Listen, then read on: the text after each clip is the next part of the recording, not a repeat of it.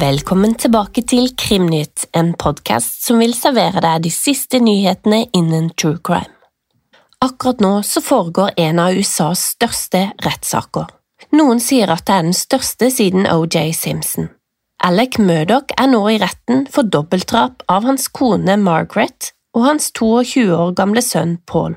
7. juni 2021 ble Maggie og Paul Murdoch funnet drept like utenfor deres hjem i Hampton, South Carolina i USA.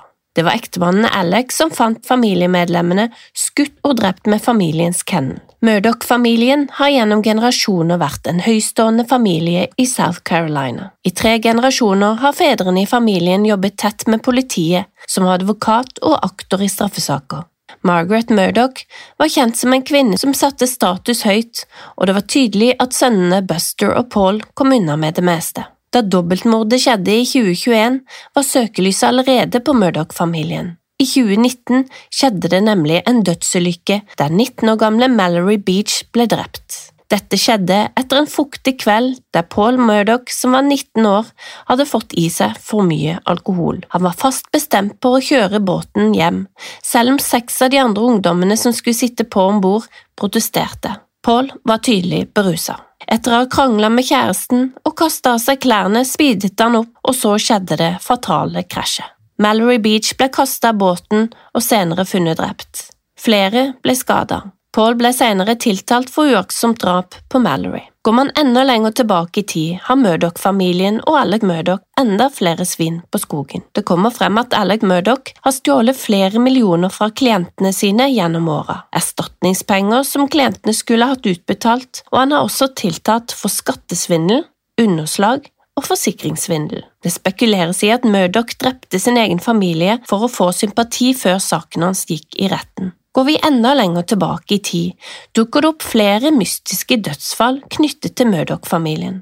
Flere av disse har ikke blitt skikkelig etterforska, og det heter seg at Murdoch-familien var så godt beskytta at de kunne komme unna med hva som helst. Men nå er altså Alec Murdoch i retten sikta for dobbeltmord på sin egen familie og rundt 100 andre punkter han kan dømmes for. Et av punktene er hvitevasking av narkopenger, og det viser seg at han var sterkt avhengig av oxycodon, et smertelindrende stoff som skrives ut på resept. Denne saken blir bare enda mer merkelig. For tre måneder etter drapene så ringer Alec Murdoch selv 911. Han forklarer rolig at han har blitt skutt i hodet etter å ha punktert bilen. Da han skulle skifte dekk, kom en bil forbi og skjøt han. Heldigvis var skadene overfladiske, og Murdoch kom fra hendelsen med bare noen skrammer. Til en venn sier han at han hyra en mann for å drepe han, slik at den gjenlevende sønnen skulle få utbetalt en livsforsikring. Til sammen er det ikke lite som har skjedd i denne saken. I retten vil telefonbevisene bli sentrale, og kanskje det største beviset er en Snap-film filma av Paul der man kan høre Alec og kona i bakgrunnen. Dette motstrider alibiet til Murdoch, da han sier han lå og sov og så dro for å besøke sin mor på drapstidspunktet. Det blir spennende å følge denne rettssaken og utviklingen av saken. I Krimprat med Lise og Fiona vil vi dykke dypere ned i denne saken.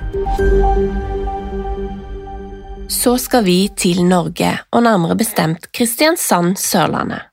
For det har gått litt mer enn fem år siden Elisabeth Aasli fra Kristiansand ble pågrepet i en av de mest omfattende politietterforskningene som vi har hatt i norsk historie. Elisabeth Aasli ble dømt for mordet på sin far i 2002 og også på sin ekskjæreste i 2014. Elisabeth Aasli mener at hun er uskyldig og ønsker nå gjenopptakelse av saken.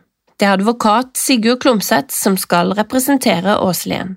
Men la oss se litt tilbake og se på hva som egentlig skjedde. I påska 2002 ble den 52 år gamle faren funnet død i sin bolig i Kristiansand. Han ble funnet i badekaret, men det ble aldri gjennomført noen obduksjon av mannen.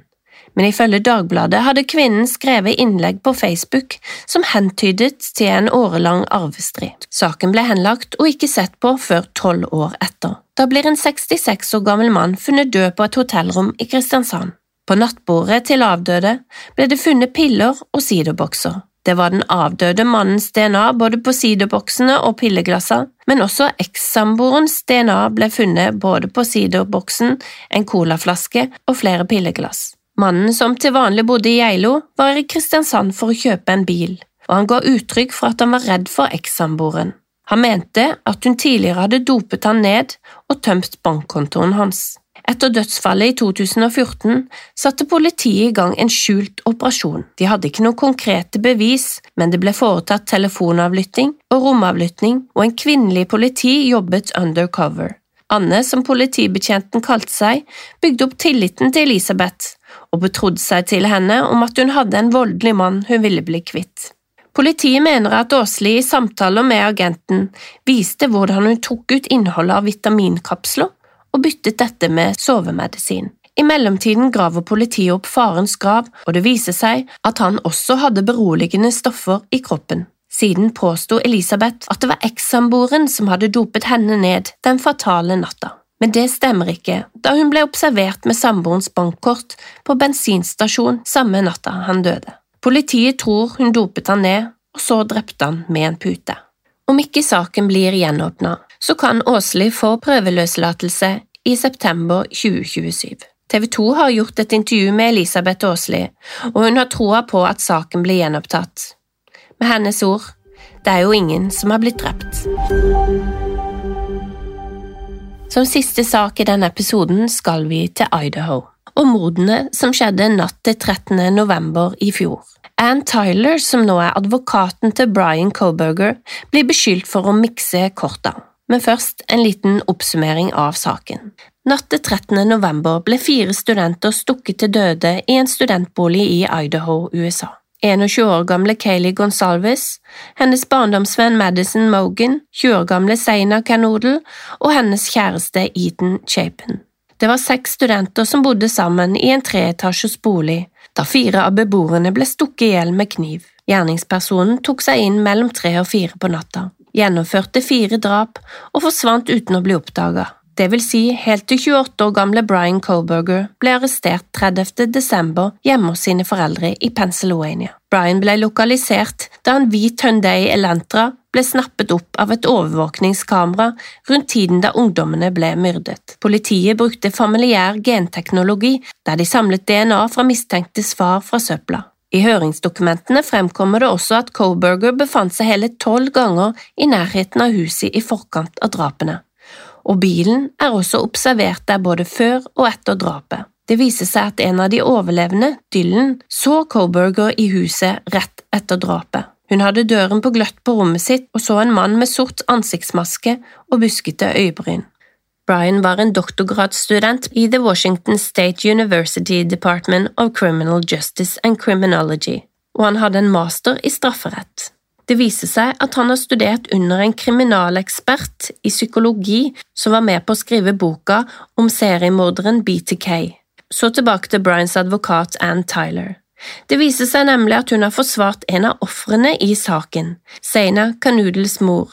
Moren var sikta relatert til besittelse av narkotika, og Taylor trakk seg fra hennes sak for å representere mannen som var sikta for drapet på hennes datter. Det opplevde moren som et stort svik.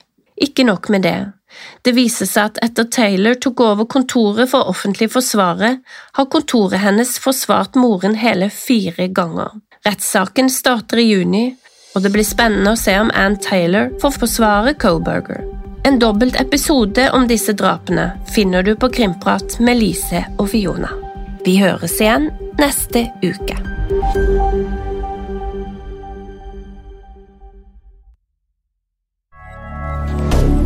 Moderne media. Har du et enkeltpersonforetak eller en liten bedrift? Da er du sikkert lei av å høre meg snakke om hvor enkelt det er å sende faktura med fiken. Så vi gir oss her, fordi vi liker enkelt. Fiken superenkelt regnskap. Prøv gratis på fiken.no.